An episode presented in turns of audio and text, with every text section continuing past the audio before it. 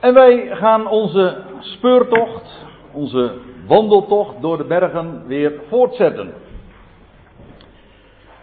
En vanmorgen wil ik u meenemen naar de Olijfberg. En heel wat mensen die hier zitten, denk ik zo, die ooit een bezoek hebben gebracht aan Israël, en in dat geval dan kan het haast helemaal al niet missen, zijn daar ooit ook wel eens geweest. Op die Olijfberg. Al was het alleen maar omdat je vanuit die hoogte ook een geweldig zicht hebt op de stad Jeruzalem.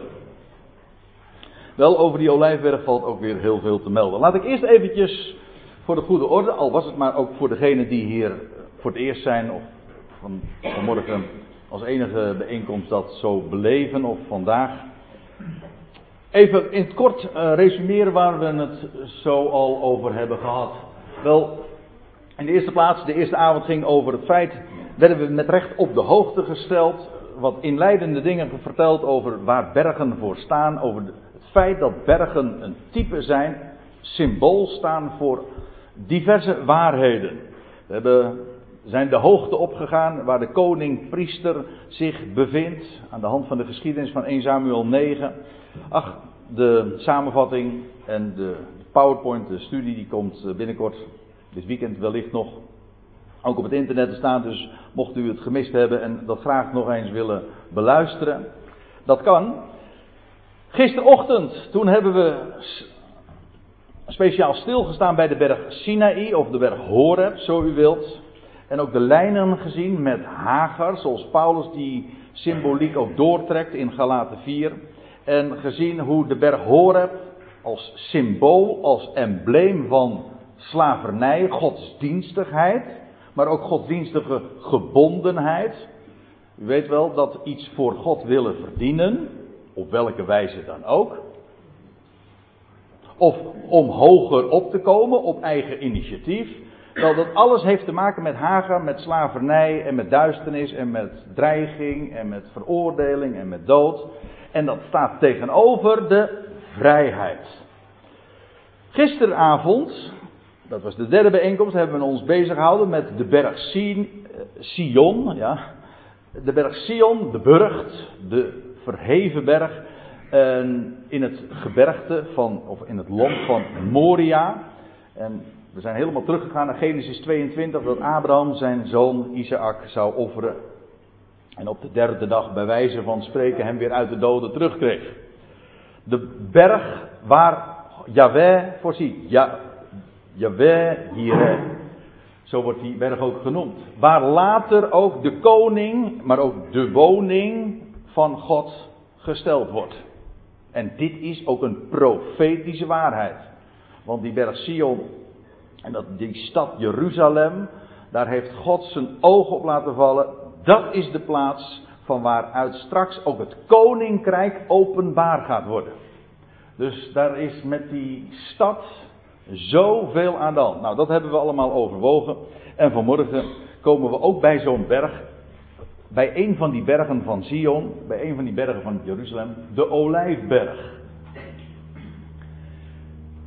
En ja, over die berg, die komen we natuurlijk met name in het Nieuwe Testament veel tegen. Maar in het Oude Testament ook al een aantal markante, bij markante gelegenheden tevens. In, bekend is de profetie in Zacharia, we komen daar straks nog over te spreken. Maar laten we eerst eens naar Lucas 21 gaan. Want daar, daar zie je ook de, hoe deze berg een grote rol speelde in het leven van Jezus. Jezus die weliswaar uit Nazareth kwam en in het noorden, in Galilea, vooral zijn dienst had, rondom de zee. Maar als hij dan naar Judea gaat in Jeruzalem, dan lees je altijd dit. Overdag, Lucas 21, vers 37. Ik ga weer vanmorgen, u bent gewaarschuwd, het is echt een bijbelstudieweekend, kriskras door de bergen. Overal waar die olijfberg een rol speelt. Nou ja, een aantal plaatsen selecteer ik daaruit. Maar ja, dat komt zo voor het voetlicht. Overdag lees je dan, leerde hij, gaat het over Jezus, in de tempel. Doch de nachten bracht hij buiten, dat wil zeggen buiten de stad, door op de berg, Olijfberg genaamd.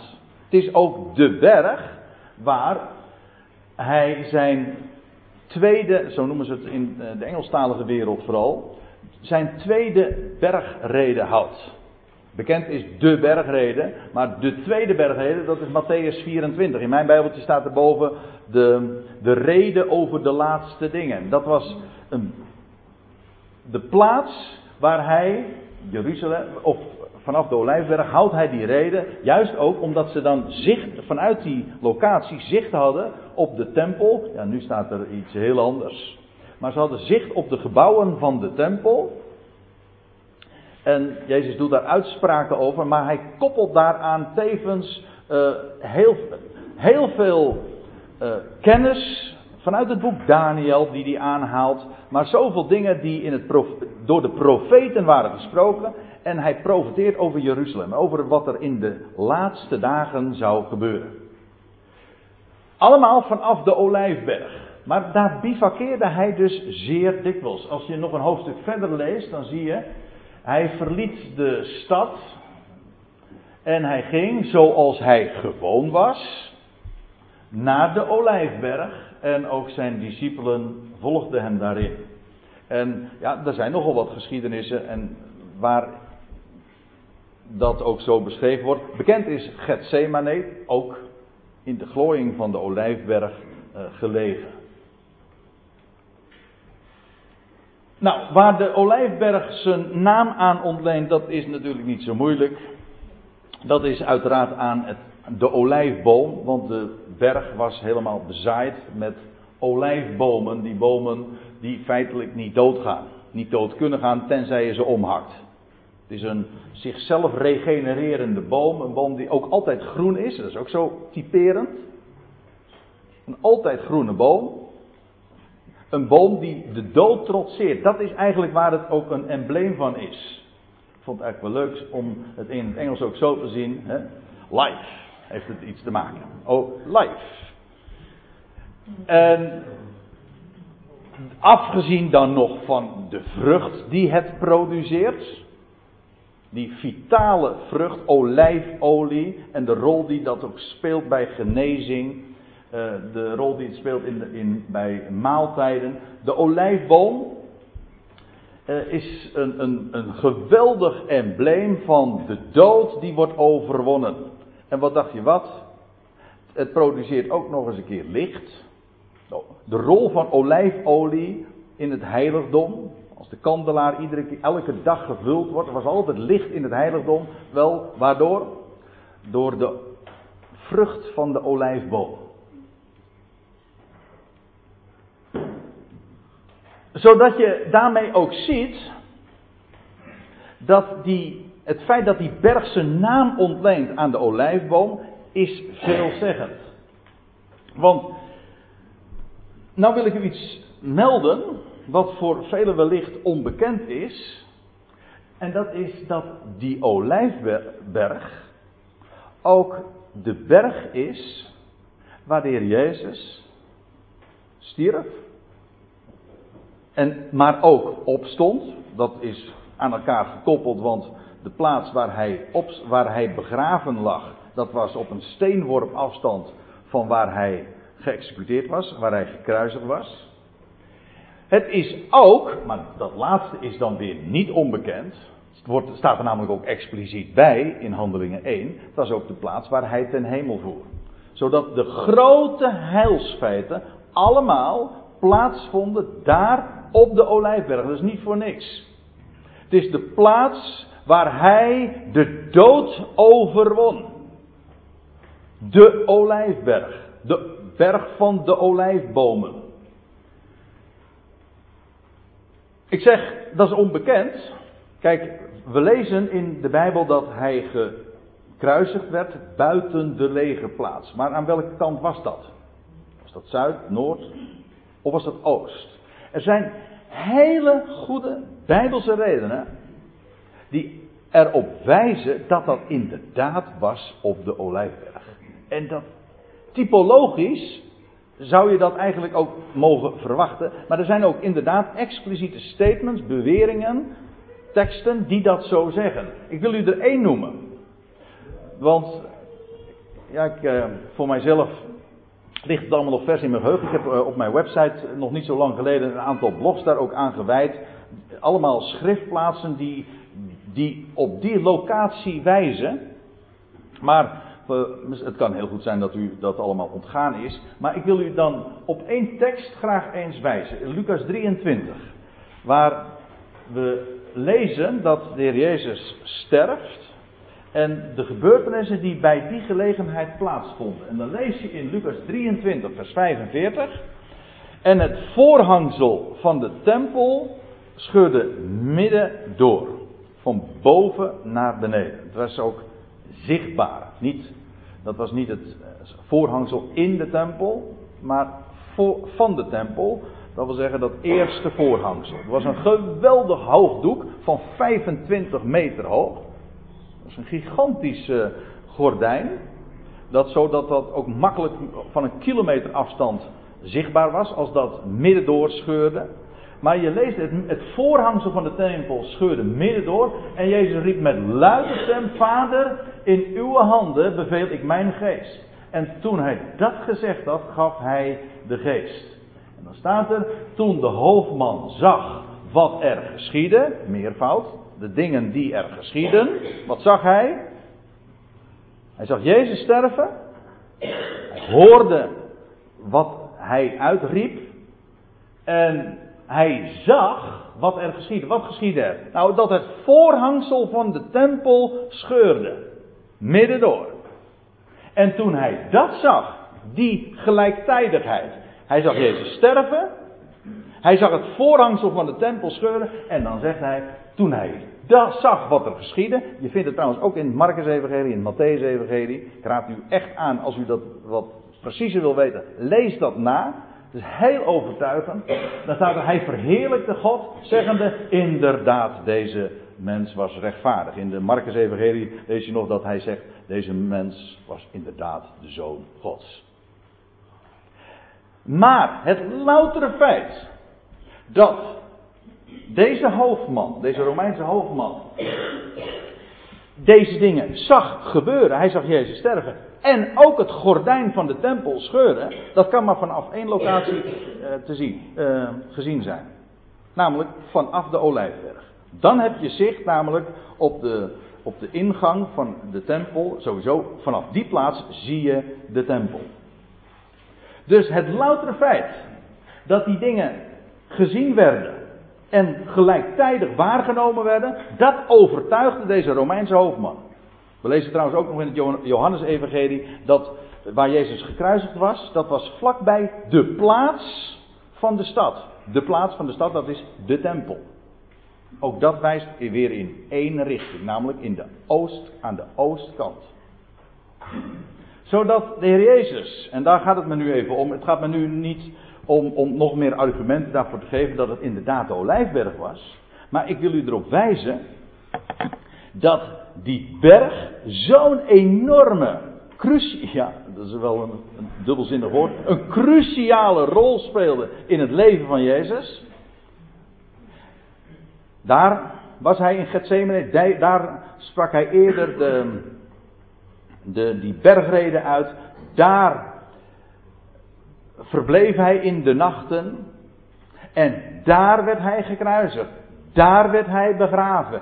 Daar stond hij op uit de doden. Op die locatie. En op die locatie, en dat staat heel uitdrukkelijk in handeling 1, voer hij ook ten hemel.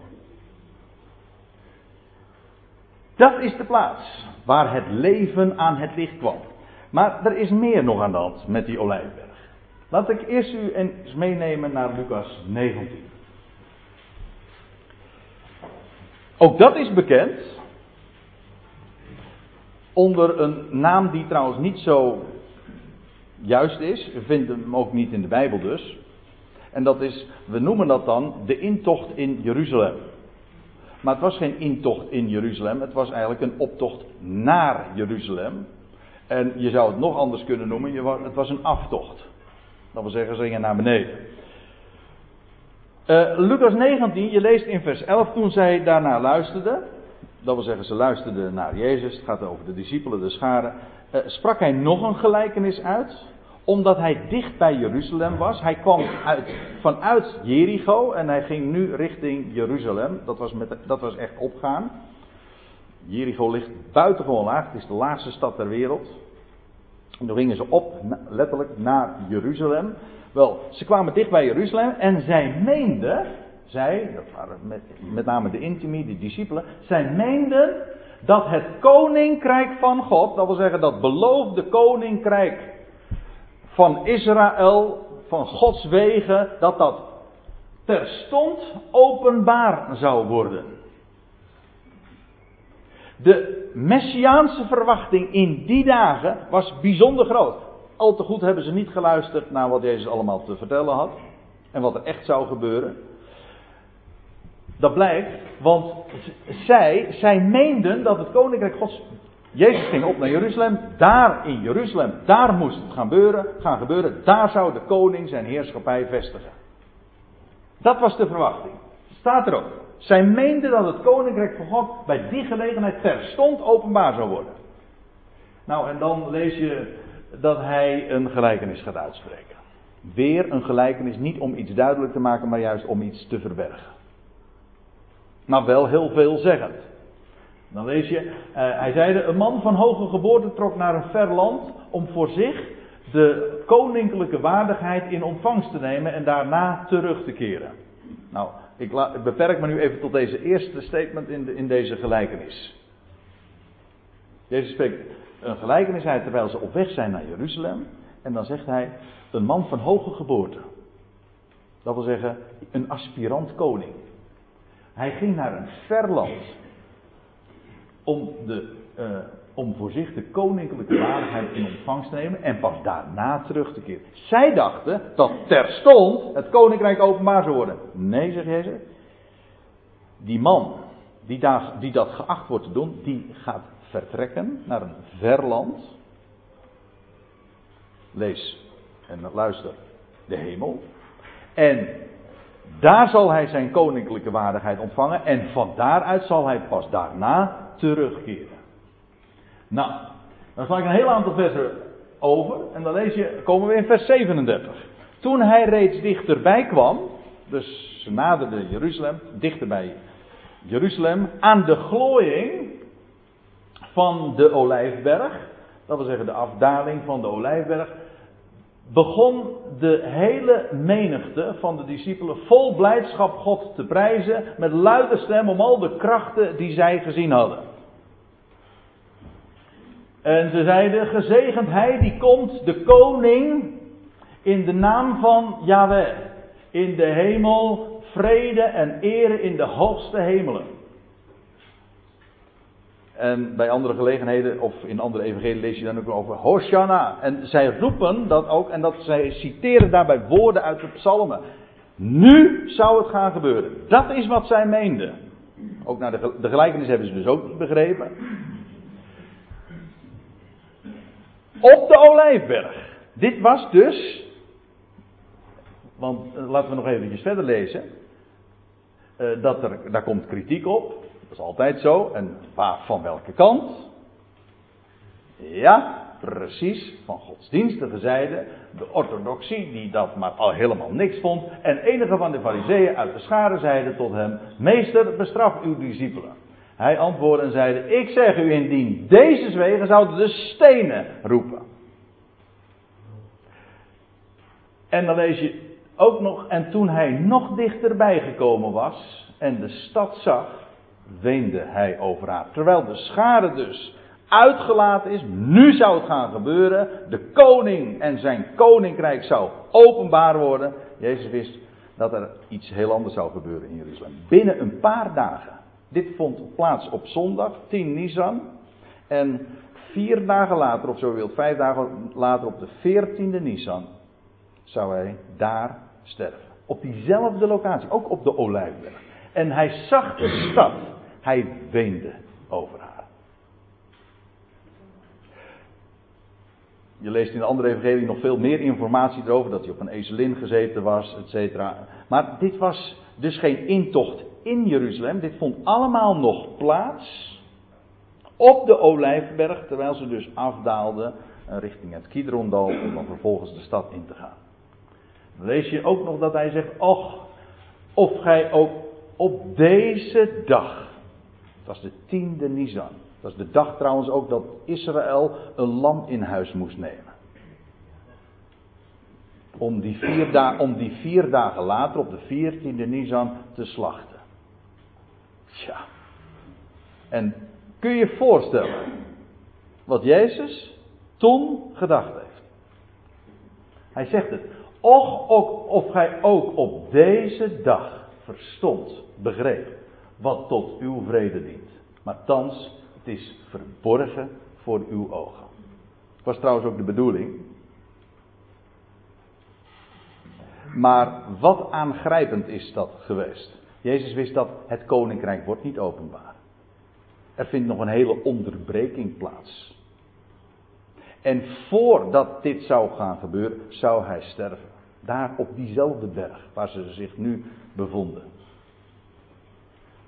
Dus daar is in de gedachten van de Heer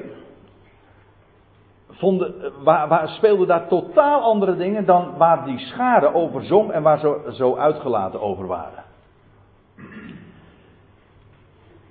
Dan neem ik u mee naar handelingen 1. Ik heb nu eigenlijk al iets heel essentieels over die olijfberg gezegd. Wat heel elementair daarover is. Nou, om te beginnen, het is de berg waar al die grote heilsfeiten plaatsvonden. Het is de berg van de olijfbomen. Het is de berg waar het leven triomfeert, dat is waar. Maar het is ook de berg die staat voor een onderbreking van het koninkrijk. Dat wil zeggen, het koninkrijk dat eerst verborgen wordt en pas daarna geopenbaard zal worden. En we zullen dat nu ook gaan zien in Handelingen 1. Ja, en dan val ik eh, midden in de geschiedenis, want eh, je leest dus dat de Heer uh, aan hun oog ontrokken wordt. Dit is dus, inmiddels zijn we 40 dagen na de opstanding. Ik zei u al, we gaan kriskras door de Bijbel, we gaan dus ook kriskras door de geschiedenis. We zijn nu dus weer op de Olijfberg. 40, zeg ik het goed? Ja, 40 dagen na de opstanding. Op de Olijfberg bevinden zij zich en hij, uh, hij wordt van hen opgenomen. Een wolk ontrok hen aan hun ogen. Hem aan hun ogen. En dan staat er. En toen zij naar de hemel staarden. Terwijl hij heen voer. Zie, twee mannen in witte klederen stonden bij hen. Die ook zeiden: Galileese mannen, wat staat gij daar? Ziet op naar de hemel. En ik sla nu weer even wat over. Deze Jezus. Dezezelfde man die van u opgenomen is naar de hemel zal op dezelfde wijze, en ik kan u verklappen, niet alleen op dezelfde wijze, maar ook op dezelfde locatie, wederkomen, terugkeren. Zoals gij hem ten hemel hebt zien varen. Ook hier weer die onderbreking. Hij is nu weg naar een ver land, maar hij keert weer terug. En daar wordt de draad weer gewoon opgepakt. Daar zit een hele tijdspanne tussen.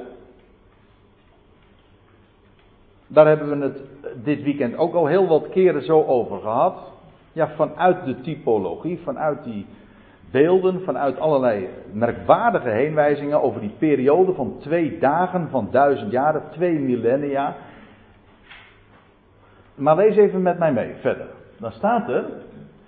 Toen keerden zij terug naar Jeruzalem van de berg, eh, genaamd de Olijfberg. Dus daar voer Jezus dus ook ten hemel. Staat er gewoon heel expliciet bij. De Olijfberg die dicht bij Jeruzalem is. En wat was de afstand daartussen? Ja, dan zeggen sommige vertalingen, er was dat een kilometer tussen. Nou, dat klopt wel. Dat is een kilometer. Ongeveer. Maar er staat in de Bijbel, het wordt een sabbatsreis genoemd. En een sabbatsreis, elke Jood weet dat. Dat is een afstand van 2000 el. Een afstand die nog eens een keertje in de Bijbel genoemd wordt. Maar dat was de afstand tussen Jeruzalem en de Olijfberg. En dat vind ik schitterend. Omdat we nu weer via een heel andere route weer op dezelfde waarheid stuiten. Waar we nou elke bijeenkomst eigenlijk nog bij stil hebben gestaan. Zonder dat ik het er met de haren heb, bij heb willen slepen. Maar iedere keer kom je als vanzelf daarop. Op al op zulke verborgen hints. Er wordt hier gezegd, natuurlijk kun je zeggen, nou dat is de, een feitelijke mededeling. De, wat is de afstand tussen waar de Heer opstond, uh, of ten hemel voer, en de stad Jeruzalem? Nou, dat is een sabbatsreis in Joodse termen, 2000 L, een kilometer. Ja, maar het is 2011. Waarbij, en nou vraag ik u even uw aandacht. Jeruzalem staat voor de stad van de koning. Jeruzalem staat voor de plaats van waaruit hij zal regeren. Jeruzalem is Sion. Jeruzalem is de plaats waar de koning gevestigd is en zijn residentie heeft. Dat is Jeruzalem. Nu voer hij ten hemel de olijfberg, waar hij leed, waar hij stierf, waar hij opstond, waar hij ten hemel voer. Dat is een, de berg waar hij wegging. Hoe groot is de afstand tussen de plaats waar hij ten hemel voer en de locatie van waaruit hij zal regeren? Dat is een sabbatsreis. Dat is 2011. En zo kom je weer op die waarheid van die twee millennia. Van die twee keer duizend. Die er zit, die gelegen is tussen zijn heengaan naar de hemel en zijn terugkeer en, zijn en de vestiging van het koninkrijk hier op aarde. De afstand tussen de Olijfberg en Jeruzalem. Een sabbatsreis. Een reis die leidt naar de sabbat ook. Ja. De dag van de vrede. En die 2011 die kom je vaak tegen. De mooiste geschiedenis vind ik in dat verband, zonder enige twijfel, is dat als Israël het land binnentrekt, het beloofde land, dan lees je dat ze door de Jordaan trekken. En dan gaan de priesters met de ark voorop. En, en die gaan dan. Die, die gaan dan vooraf. En dan lees je dat Joshua, ja, ja, die zegt dan, de ark gaat voorop, die gaat eerst door de Jordaan, het beloofde land in, maar het volk zal volgen. Het volk Israël zal de ark volgen in die weg door de Jordaan, maar op afstand.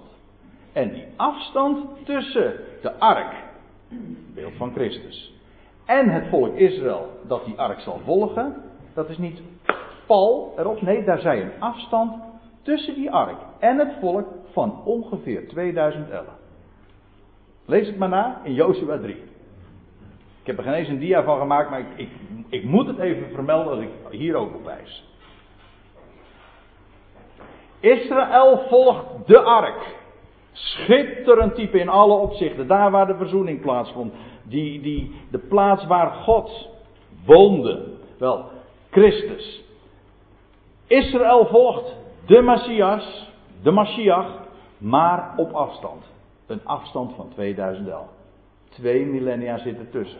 Eerst ging Christus door de dood heen, door de doodsjordaan. Israël gaat ook daar doorheen, maar op afstand. Ook hier zie je weer diezelfde tijdspannen. Waar we iedere keer nog weer opgestuurd zijn. Wat dus weer opnieuw bevestigt telkens weer hoe bijzonder de tijd is waarin wij nu leven. Die tijd van de onderbreking. Dat is waar de olijfberg van spreekt. Van een breuk en van onderbreking. En dat wij nu in 2014 aan het einde van die periode ons bevinden. Zodat de tijdspanne bijna voltooid is. De derde dag, dat derde millennium, gaat aanbreken. Dat maakt het zo bijzonder om in deze tijd te mogen leven. Nou, nou neem ik u nog even mee naar Marcus 11.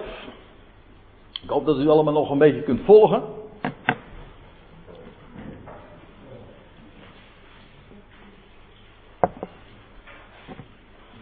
is ook wel een aardige. Hele bijzonder eigenlijk. En Jezus, in Marcus 11, vers 22, bevindt zich op de Olijfberg. Dat lees je. En dan zegt hij, en Jezus antwoordde en zei tot hen, het geloof in God. Staat er niet. Het geloof van God. Misschien, je ziet het nog redelijk. Hè? Er staat niet heb geloof in God, maar heb het geloof van God. Dat is heel anders. Het is niet ons geloof in Hem. Nee, het is het geloof dat God zelf heeft.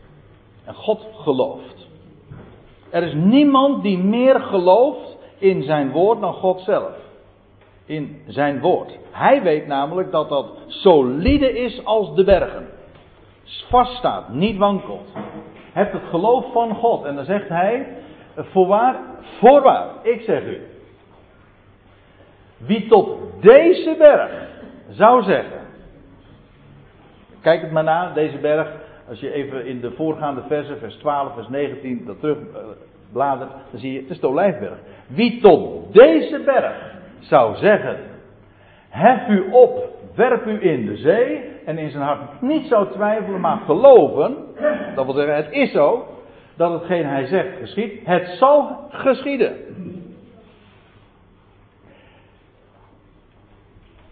Al eerder hebben we stilgestaan bij die, woorden in 1 Corinthië 13, dat geloof bergen verzet. Geen, geen probleem zo groot of er is we zeggen dan, je ziet er als een berg tegenop. Wel, geloof verzet al die bergen. Maar er zit iets heel bijzonders, want hier wordt gesproken over deze berg. Die olijfberg. En wat gebeurt er met die olijfberg? Wel, als je het geloof van God hebt, die weet, die berg, die wordt verzet en zal zich in de, die zal geworpen worden in de zee. Ook dat is, en dat is weer een beeld van, daar hebben we het ook al over gehad, over de, van de volkerenwereld. Het koninkrijk, het koninkrijk dat zou komen, dat wordt verplaatst te midden van de natie. Dat is feitelijk ook precies weer de tijd waarin wij leven. Waar is het koninkrijk nu? Waar is hij? Wel, het is, het is verplaatst te midden van de wateren, te midden van de natieën. Dat is waar wij ons nu bevinden. Een heel eigenaardige opmerking en uitspraak die de heer Jezus doet. Hij, hij legt er de nadruk op. En dan kun je zeggen het is beeldspraak, natuurlijk. Dat is waar. Maar de waarheid die daarachter ligt. Daar legt hij een accent op. Hij zegt dat is het geloof van God. Hij weet dat het zo is. En, hoe, en juist ook het feit dat hij wijst op deze berg. Die berg heeft iets te maken met de onderbreking van de heilstijd. Het koninkrijk dat zich verplaatsen zou, zich zou verbergen te midden van de natie. Dat is vandaag de tijd. Waar is de koning nu? Waar is de het koninkrijk nu? Alles is verborgen. Een van de meest elementaire waarheden die ik in, mijn, in de jaren dat ik Bijbelstudie doe uh, ontdekt heb. Nou, ik kan er heel wat noemen. Maar dat, een van de waarheden is dat wij vandaag leven in de tijd van de verborgenheid. Alles is verborgen. De koning, zijn koninkrijk, niets is te zien. Hij laat wel van zich horen, daar hebben we het ook nog over gehad. Maar het is niets is zichtbaar. Het wordt hem verweten en christenen die zijn het daar helemaal niet mee eens, want die denken dan dat dat niet de bedoeling is. Wij, wij hebben de taak om het koninkrijk te openbaren. Nee, juist niet. Zo hoort het te zijn. Alles is verborgen. Te midden van de volkerenzee. Te midden van de natie. God, Israël staat aan de zijkant, aan de zijlijn. En straks pakt hij weer de draad mee op, daarmee op. Maar daar zit een tijdspanne tussen. Die de Bijbel ook heel exact aangeeft.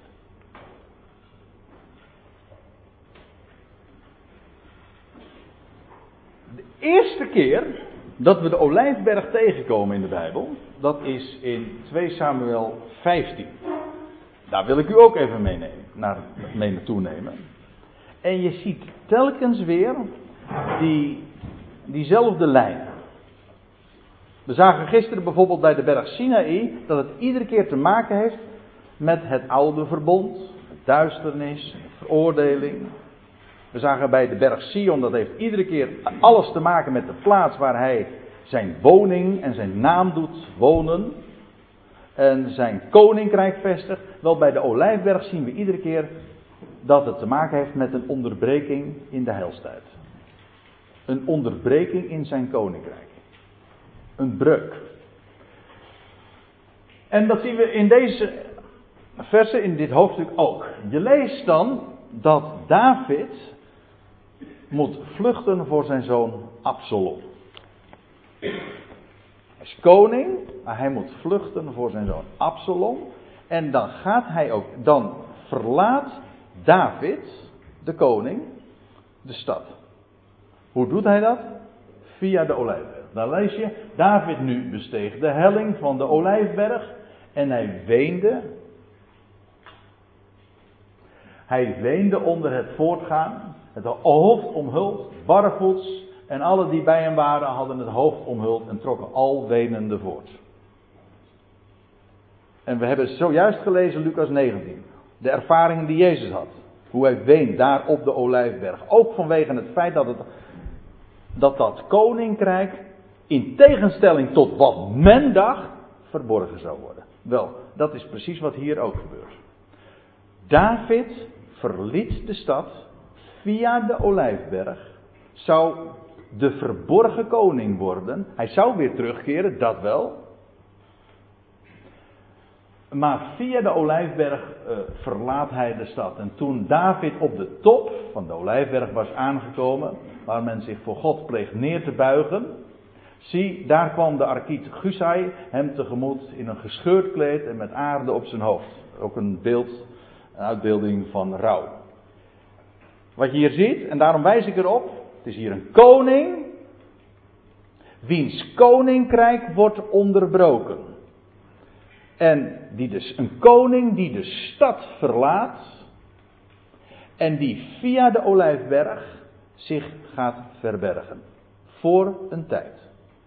En zodat je in zo'n geschiedenis van David exact dezelfde patronen ziet en herkent als die je ook elders aantreft.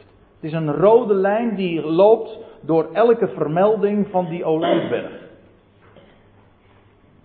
Nou, en dan ga ik u tenslotte nog meenemen. Dit was de laatste vermelding, was 1, eh, 2 Samuel 15. Dat was de eerste keer dat de olijfberg voorkomt in het Oude Testament. Nu gaan we naar Zachariah 14. Die mag echt niet onvermeld blijven. Omdat dat de laatste vermelding van de olijfberg in het Oude Testament is, de Tenach. Daar wordt ook zo'n duidelijke waarheid naar voren gebracht over die olijfberg.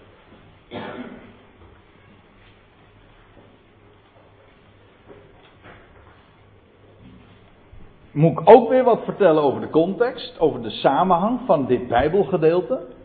Wat is hier aan de hand? We hebben ook dit weekend daar, met name gisteravond, nog wat meer bij stilgestaan. En dat is dat straks, in de nabije toekomst, er een enorme uh, oorlog zal plaatsvinden. Dat wil zeggen, de volkeren, de Verenigde Naties, zal ten strijde trekken richting het beloofde land.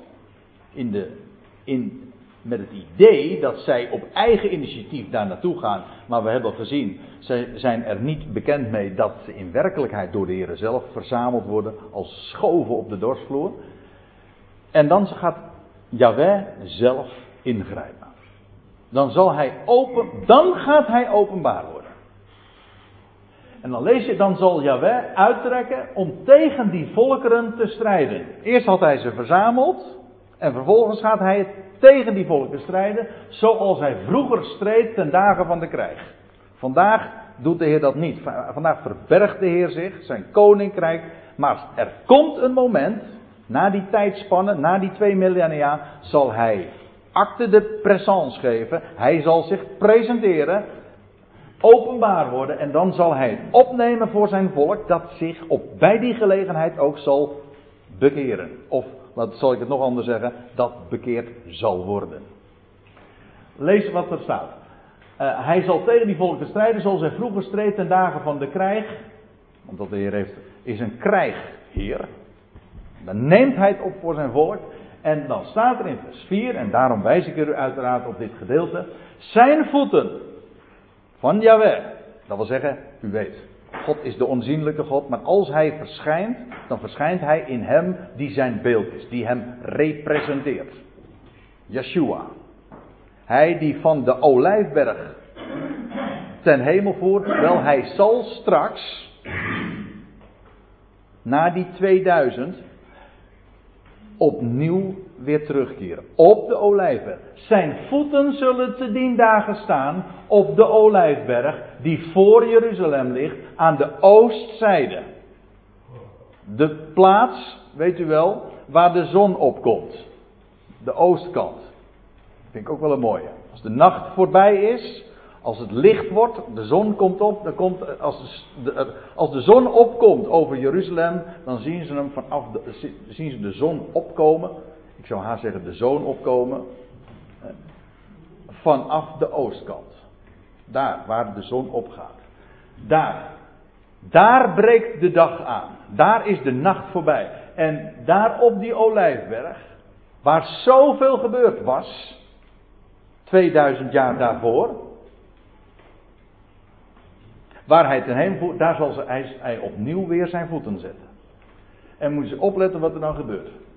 Zijn voeten zullen te dien dagen staan op de olijfberg die voor Jeruzalem ligt aan de oostzijde. En dan zal de olijfberg midden doorsplijten. Ik zei u al, het, die berg heeft iets te maken met een onderbreking en met een breuk en met een splijting. Dat, dat zal dan ook met recht zichtbaar worden. En er ontstaat daar op dat moment, bij die gelegenheid, een vluchtweg. Heel uniek. Nou ja, wat heet heel uniek? Ooit stond Israël voor de, voor de Rode Zee. En toen splijtte de zee. En ontstond daar een weg door, door die zee. En konden ze de pal doorheen. En dat was een vluchtweg. En dat ontstaat hier ook. Het staat oostwaarts en westwaarts tot een zeer groot dal. En de ene helft van de berg zal noordwaarts wijken en de andere helft zuidwaarts. En gij zult de vlucht nemen in het dal van mijner, in het dal mijner bergen. Opmerkelijk. De dal mijner bergen. Die olijfberg, dat is ook zijn berg. Maar aangezien die berg dan splijt, dan krijg je ineens twee bergen. Dus voor die olijfberg worden twee bergen. In het dal van mijn bergen. En door dat dal zullen zij, vlucht, zullen zij heen vluchten. Ja, wat er daarna nog mee, gebeurt, of dat dal inderdaad net als bij de Rode Zee destijds weer, of uh, weer gedicht zal worden, dat is een andere vraag. Daar ga ik nu niet op in. Ik heb er wel mijn gedachten over, maar ik kan dat niet direct zo bewijzen. Maar goed, gij zult de vlucht nemen in het dal van mijn, in het dal mijner bergen, dat wil zeggen de gedeelde olijfberg, want het dal van de bergen zal rijken tot aardzel. Of dat betekent terzijde. Dat dal wordt een, heel groot dal en dat gaat naar een. En dat woord Azel betekent terzijde, dat wil zeggen ook gereserveerd. Er is namelijk een plaats in de woestijn, zal ik u vertellen, waar God een. Hoe staat het er? Ja, in openbaring 12, vers 6.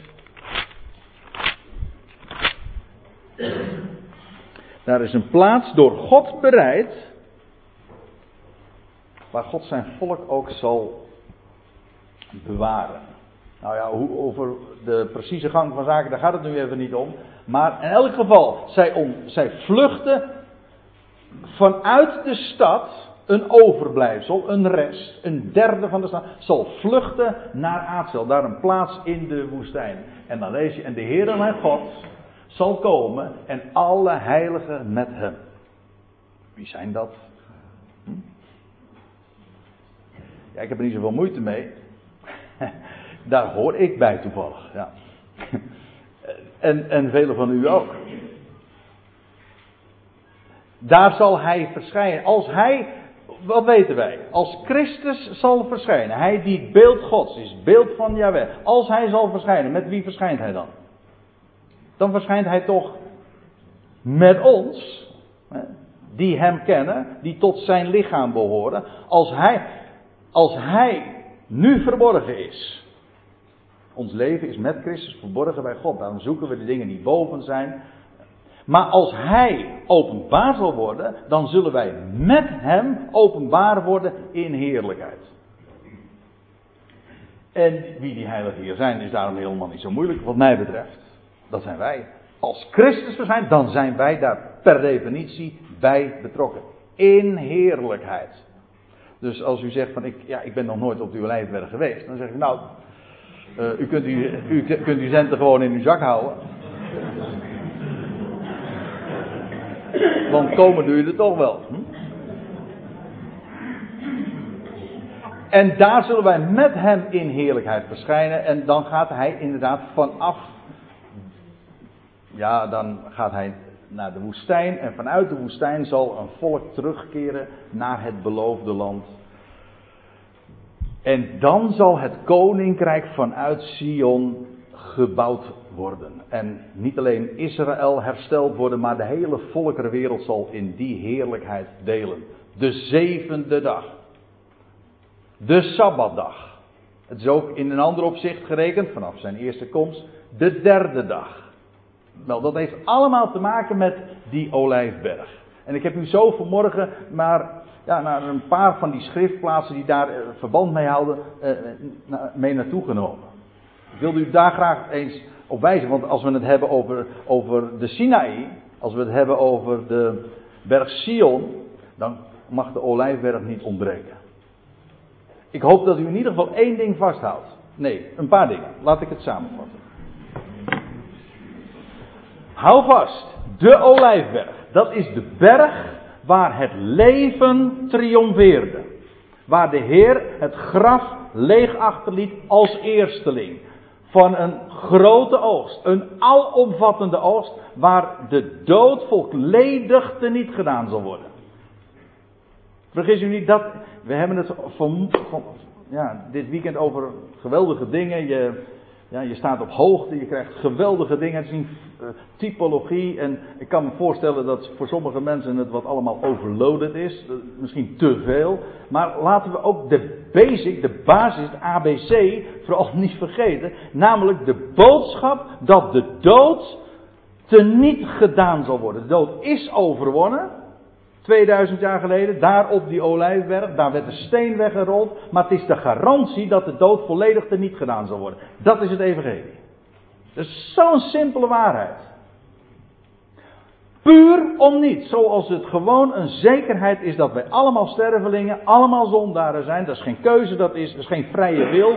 Vergeet dat, dat is godsdienstige onzin. Dat is een gegeven en zoals dat er gegeven is, zo zal het leven triomferen. En zoals we veroordeeld zijn om zondaren te zijn, zo zijn we ook veroordeeld om gerechtvaardigd te worden, als u begrijpt wat ik bedoel. Allemaal vanwege die, een, vanwege die ene mens. Door hem gaat God dat realiseren. Dat is het evangelie. Laat je daar nooit van afbrengen. Ga ook niet denken van, ja nou ja, ja nou ja, zoiets wordt ook wel elders verteld. Alleen dan is niet iedereen. Maar het is in feite hetzelfde. Ja, nou ja, u lacht er nou om. Maar zulke dingen worden serieus gezegd. Dat is mensen. Een beetje evangelie is geen evangelie. Het punt is, het is om niets. Het is, en omdat het om niet is, is het ook allesomvattend. Niemand uitsluitend. En daarom is het ook een goed bericht. En een beetje goed bericht is net zoiets als een beetje zwanger. Onzin. Bestaat niet. Het is, het is zwart of wit. En het evangelie is ook zwart of wit. En ik zal u dit vertellen, deze boodschap van louter genade is echt uniek.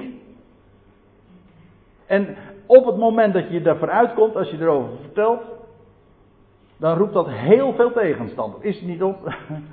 Uh, ik kijk even naar achteren. Maar dat, eh, niet alleen daardoor, maar altijd. Als je dat vertelt, dan staat haaks op alle godsdienstige waarheid. Waarheden. Lees leugens. En vooral christelijke, want die zitten er zo dichtbij. Want die noemen wel de naam van Jezus. Hij is wel redder. Ja, niet van iedereen natuurlijk. Dat zou, dat zou een mooi boel worden. Hè? Hij is redder. Dat is een gegeven. Nou, laat ik dat, dat in elk geval vooropstellen. Hij op de olijfberg bracht hij het leven aan het licht. Die olijfberg staat ook voor de berg waar het koninkrijk onderbroken is. Waar hij, de, waar hij het aardse toneel, de stad, verliet. Maar waar hij ook weer in heerlijkheid zal terugkeren. Daar zit een onderbreking tussen, een tijdspanne, we hebben het daarover gehad. Maar die, dat moment, dat nadert. En dan zullen wij met, dan, niet eerder, in heerlijkheid met hem verschijnen. Nou, dat zijn zo in ieder geval van die twee dingen die u vooral vast moet houden. En dan gaan we vanmiddag nog wat verder over andere bergen. Ik stel voor dat we met elkaar nog een lied zullen zingen.